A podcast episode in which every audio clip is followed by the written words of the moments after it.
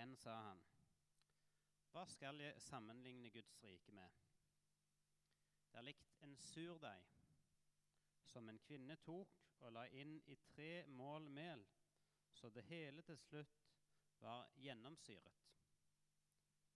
Slik lyder det hellige evangeliet. Hvem følger du? Det var spørsmålet i starten på gudstjenesten. Hvem følger du? Og For to uker siden da hadde vi fokus på dette her med Jesus som den gode gjeteren, og Jesus er porten, døren. Og Jeg har tenkt litt mot hva, hva var greia med det, med å følge Jesus? Den Jesus som er porten, og den som er den gode gjeteren? Jo, det er Jesus som leder meg gjennom omsorg og frihet mer enn makt. Det er han som kommer for å tjene mer enn å herske. Den Jesus er det jeg følger. Han som leder meg med omsorg og frihet. Og Vi hadde Salme 23 oppe. nettopp den måten. Han som leder meg til hvile, til nytt liv, som går sammen med meg i nedturen og i dødsskyggens dal. Han som gir meg gode ting, selv om det er utfordringer og fiender som står foran meg. Det er den Jesus jeg følger. Han som leder meg med omsorg og frihet. I dag så går vi et skritt videre. Hvem Jesus er det du følger? Jo, det er den Jesus som skaper vekst. Det er han som lar det lille, lille frøet få lov til å vokse opp til noe som blir til nytte, og som blir en plass hvor fuglene kan finne hvile. Og Jeg så for meg litt denne drømmen. Tenk om kirka på Ålgård og kirkene på Ålgård kunne være liksom som en sånn det, det som er fine med Sennøysbusken, det er at det er ikke bare det den rager liksom, Det er ikke et sånn voldsomt tre eh, som dominerer alt annet. Eh, men det er mer sånn buskas-lignende greier. Men der enkeltpersoner og grupper kan kjenne at eh, der kan jeg komme og være meg sjøl. Og det, det, er litt fint med det bildet med fuglene og dette måte, busken. Nettopp det, at det, det, er ikke busken som må si, dominerende og fanger, Men den enkelte får lov til frihet, får lov til å gå inn og finne at her er det hvile, her er det kraft, her er det nåde, her er det noe større å hente. Det er han som skaper vekst, som skaper forandring. Tenk om Ålgård menighet kunne være som en gjærbakst. Denne opplevelsen må det bare en sånn duft som sprer seg rundt på Ålgård. Å, det var en god lukt. Hva, det som skjer? Jo, det er gjærbaksten fra kirka. Eh, det kan jo være konkret kirkekaffe. Det betyr mye for mange. den altså. Jeg tror det er ganske mange 10-13-åringer som lar seg dra av den der lukta fra, fra kirkekaffen. Men òg i overført betydning den der opplevelsen av å, å kjenne at det er noe som trekker meg. Og jeg får lov til å smake på noe som gjør meg godt.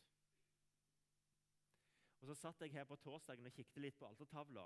Men det var lite gjærbakst å hente der. altså Det savna jeg litt. altså Det var poteter og forskjellige sånne ting. Men det var ganske mye fugler. Og det var ganske mye vekster når jeg kikket meg litt rundt. Og Jeg liker jo han der som sår det frøet rett ved siden til høyre på beina til Kristusfiguren. Det der må det plante det frøet, det lille, som kan bli noe stort. Og Det er et av mine favorittbibelvers i Jesaja 43. Se, jeg gjør noe nytt. Det spirer allerede fram. Merker dere det ikke? Se, jeg gjør noe nytt. Det spirer allerede fram. Merker dere det ikke? Og Det ser vi jo i naturen òg, rundt oss disse tider. Alt det der som spirer fram. Du merker jo at det er i forandring. Og så sier Gud noe om at det vil òg skje mellom oss og i menneskers hjerte i møte med budskapet om Jesus. Så kan det se umulig ut. Hvem lager en vei gjennom sanddynen i ørkenen? Men Jesus sier at ja, det vil han gjøre. Hvem er det måte, som kan måte, lage ei elv som går ut i ødemarken?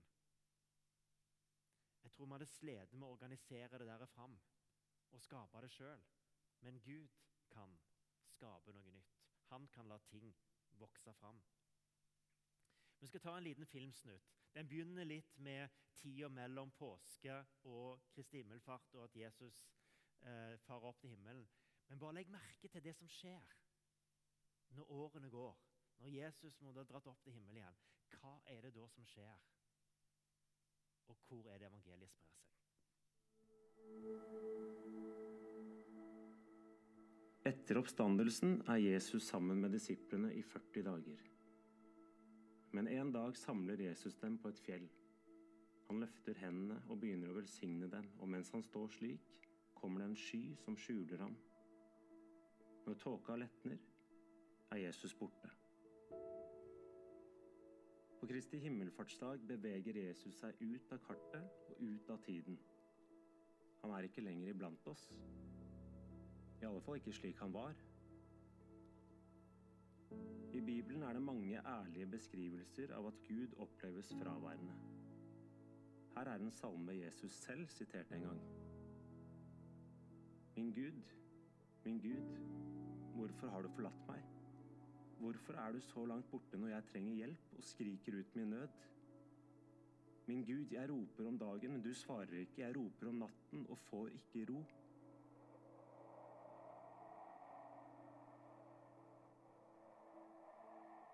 Bare ti dager senere er det pinse.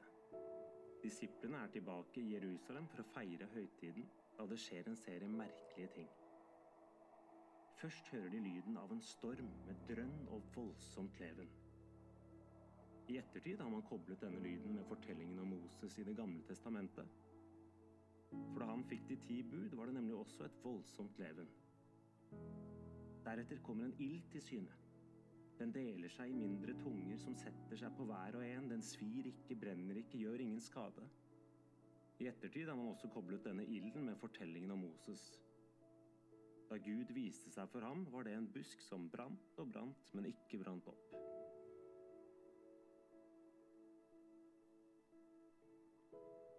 Av høytiden er det mennesker der fra hele verden. Her er det folk fra Roma, Lilleasia, Frygia, Pamfylia, Kappadokia, Pontos, Media, Mesopotamia, Partia, Elam, Egypt, Kyrene og Kreta. Lyden, vinden og flammene gjør at folk stimler til huset hvor dette kaoset foregår. Men plutselig er det en som sier Hei, du. Stopp en hal. Jeg forstår jo det de sier. De snakker morsmålet mitt. Det samme sier en annen, og en tredje og en fjerde. Ja, alle får de høre sitt eget morsmål, og det de får høre, det er evangeliet. Det er dette som er pinse. På Kristi himmelfart forlater Jesus vår verden. Men bare for å bli tilgjengelig alle steder. I pinsen blir han nærværende for alle, uavhengig av hvem han er. For på pinsedag blir Gud global, og kirken begynner å følge ham ut i verden. Historikere kaller det som skjer de neste 300 år, for et mysterium. Historiefagets missing link. For uten at man helt kan forklare hvordan eller hvorfor, når man kommer til 300-tallet, har den kristne religionen blitt allemannseie i hele den kjente verden. Fra himmelfarten og pinsedag strekker Jesusfortellingen seg helt opp til oss og våre dager. Han er nær, alle steder, overalt.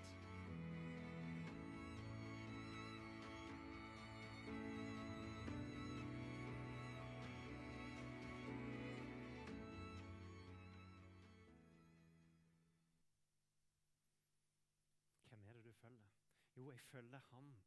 Han som skaper vekst. Han som sender sin ånd, og som gjør at dette, dette budskapet fortsetter å berøre år for år, tiår for tiår, hundreår for hundreår. Så fortsetter dette budskapet å berøre mennesker, og så vokser noe fram som er større enn oss sjøl, større enn hva vi kan skape. Historier kan forske på det som skjedde de første 350 årene. De kan forske på det som skjer i dag. Og de kan peke på det ytre omstendigheter som gjør at dette skjer. Jo, jo, det var forfølgelse. De ble spredt rundt omkring. Det var jo en av grunnene til at dette begynte liksom å, å vokse fram på veldig mange forskjellige plasser. De hadde et felles språk. Gresk var utrolig nyttig i forhold til det å kunne kommunisere dette her ut til et utrolig stort romerrike. Det var noen handelsfolk og handelsreisende som farta fram og tilbake og var vekke månedsvis fra familiene sine. og Dermed så begynte de å starte små kristne fellesskap der de kom. Men det er noe mer enn de ytre omstendighetene. Det er noe mer enn det som Paulus og andre strateger kunne få til ved bare å gå inn i synagogen og prøve å formidle dette budskapet om Jesus. På et eller annet vis så handler det om at Gud er til stede. Og at han som vi følger, Jesus, forvandler liv, forvandler familier, skaper håp. Og så vokser det til Herre og så blir det både større og større. Og opp gjennom kirkas historier så har noen hatt ønske om å utnytte dette. Sant? Med, måte, det som fantastisk, det som vokser fram. Kan vi bygge noe, noen slott for å bevise sannheten i dette? Herre? Kan vi løfte det fram og si vet du hva, vi får lov til å være med på noe stort? Se hva vi har fått til. Og gang på gang, idet mennesket begynner å ta ære og begynner å reise seg opp og tro at det er de som står i sentrum, så har det en tendens til å smuldre og dette sammen. Og Det var litt fascinerende å komme over en gammeltestamentlig historie som egentlig er en bakgrunn for det der lignelsen som Jesus har med fuglene i treet. Kong Nebukaneser han har, har, en drøm. Har en, en drøm, og La oss høre på hva han drømmer om før Daniel gir ham tydningen på det. Så beskriver Daniel denne drømmen. Treet du så, var stort og kraftig. Toppen nådde helt til himmelen, og treet var synlig over hele jorden. Løvet var vakkert og frukten rik. Det ga føde til alle dyrene. Dyrene på marken holdt til under det, og fuglene under himmelen hadde rede i greinene. Sant? Se for dere det der store treet. Dette treet er deg, kong Nebukaneser. Og vet du hva som kommer til å skje? Dette treet kommer til å bli hogd ned. Det kommer til å bli hogd ned. Og En dag så står kong Nebukaneser og ser utover riket sitt. Bare ta opp neste. Så utbrøt han. Dette er det store Babel, som jeg med min veldige makt har bygd til kongssete, til ære for min herlighet. Og han har ikke mer enn uttalt det. Så blir han gal. Og dette er det som skjer med han. Du kan se for deg en måte, I det samme øyeblikket gikk dette ordet i oppfyllelse på Nebukadnesa. Han ble jaget bort fra menneskene og spiste gress som oksene. Med dugg fra himmelen ble kroppen hans svetet, inntil håret ble langt som ørnefjær og neglene som fugleklør. Og Du ser for deg litt det totale forfallet som kan innta et menneske, og som skjer med Nebukadneser. Og det er noe med det der med Hvis denne veksten og troen på at Gud skaper vekst, blir noe som blir forbundet med makt, eh, så har Gud en tendens til å la det smuldre vekk. Men heldigvis for kong Nebukaneser så slutter ikke historiene der. For han kommer faktisk tilbake igjen til dette. Jeg, Nebukaneser, lover og priser og ærer nå himmelens konge. For alle hans gjerninger er sanne, og hans veier rette. Han kan bøye dem som er håndmodige i sin ferd. Så Der må det slutte måtte fortellingen om Nebukadnesa. Han måtte den omveien for å skjønne at det som Gud skaper vekst i Guds rike, er en annen type vekst enn det som blir en sånn gjennomtrengende styrende makt over andre mennesker. Det må være en frihet i det. På samme måte som fuglene får lov til å bygge rede, så må det være en frihet der vi som mennesker kan få lov til å vandre inn og ut. Så jeg husker måte, fra gjeteren og porten en plass der vi kan gå inn og ut og finne beite. Så er det en frihet i det. Men hva skal vi da drømme om? Hvis denne veksten måtte, Vi har ikke kontrollen på det. Det er noe som er større enn oss sjøl. Hva skal vi da drømme om? Hva skal vi be om? hva er vår rolle i det hele? Jeg tenkte på noen, noen historier der jeg deg ane glimt av dette riket. Jeg tenkte på Carlisle, og måtte den fortellingen må jeg vise dere rett før offeret. Den her gjengen av ungdommer som går fra skolen, og som både tar veien, stien mellom kirka og menighetshuset. Og så plutselig er det en som ser det. Det er ingen ungdommer i kirka. Det er ingen ungdommer som kommer på gudstjeneste.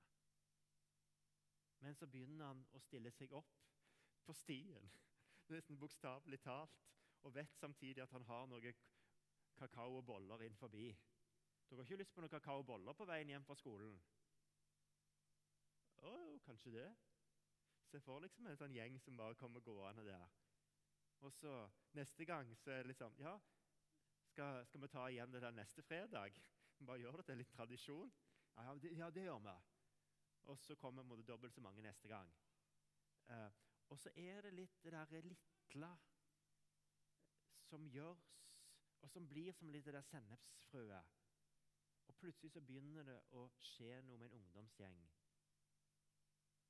Plutselig er det noen som òg søker mer mot ja, hvorfor gjør dere dette? her? Jo, vi har lyst til å vise alle ungdommene i vår bydel at de har en Gud som er glad i dem. Å ja. Så begynner det å spire noe som vokser fram.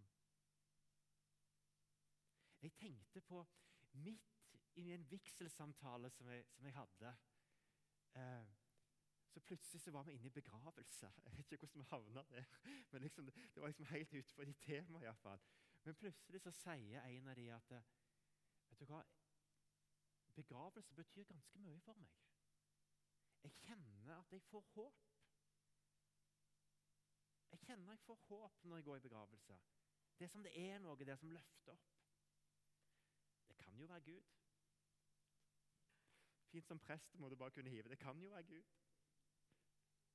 Sånn, men det, der, det er jo noe som er større enn oss sjøl.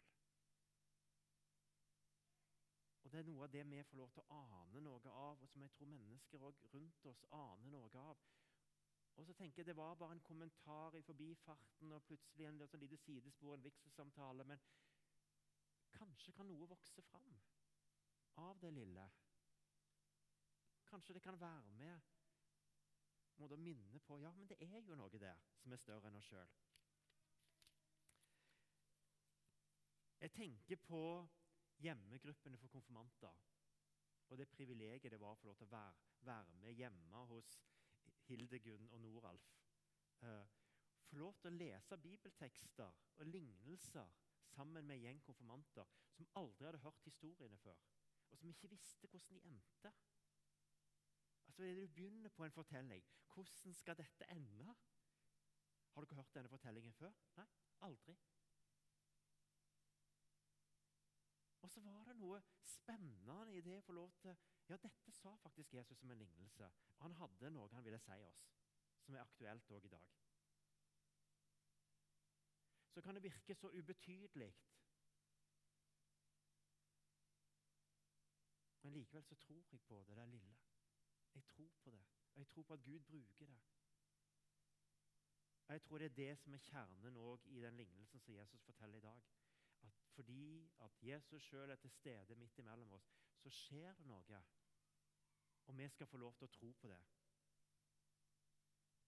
Og Det skjer ikke bare noe med oss, det skjer ikke bare noe de blir berørt, men det skjer noe i en kjede. Det skjer noe videre. Og Da tenker jeg litt på han som har vært mange år på Kafé Stoppen, og som mista kjæresten nå en vår, og som sier at uh, i begravelsen i annonsen skriver at jeg ønsker en gave til Kaféstoppen. Jeg ønsker en gave til Kaféstoppen.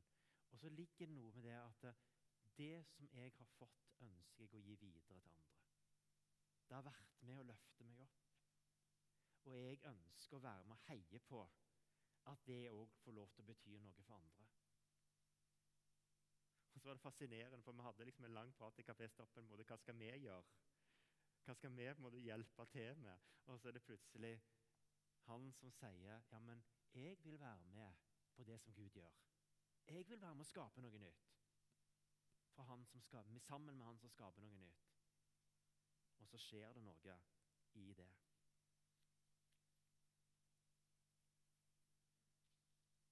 Så ikke det store og sterke, men i det lille. Og jeg tenker at De sangene som vi har valgt både før og etter preika i dag, er helt forskjellige. Men på en fantastisk måte så utfyller de hverandre. Den første som vi sang, litt det der forsiktige. Det som måtte ja, Kom, skap måtte i alt det der alminnelige. Og samtidig den sangen som fulgte litt ut Jesus-vekkelsen og det som skjedde opp gjennom 70- og 80-tallet. Jesus is the answer for the world today. Ja, jeg tror faktisk det. Men ikke som et sånn ovenfra-ned-budskap at du har det så forferdelig, og du må trenge Jesus for å løfte deg opp. og alt det der. Men fordi at han som måtte lede oss med omsorg og frihet, er verdt å følge. Han er verdt å følge. Han som skaper forandring gjennom de små tingene, er verdt å følge. Og Derfor så kan jeg fortsatt synge 'Jesus is the answer' for me, for the world, for Ålgård.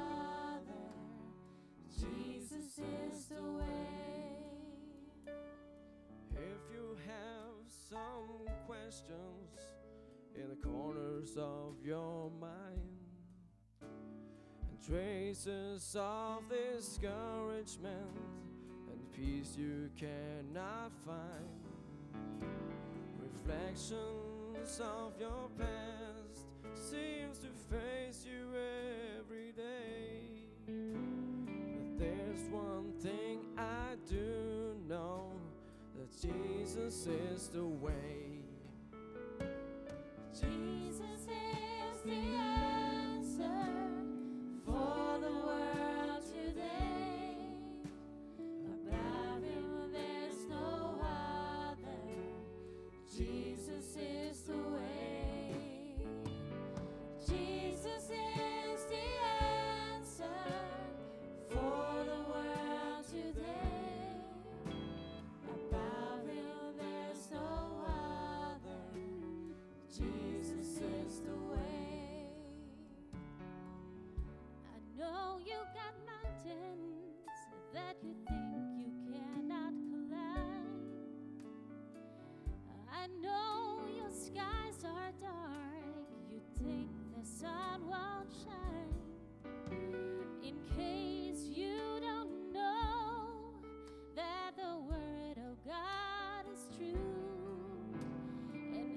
everything.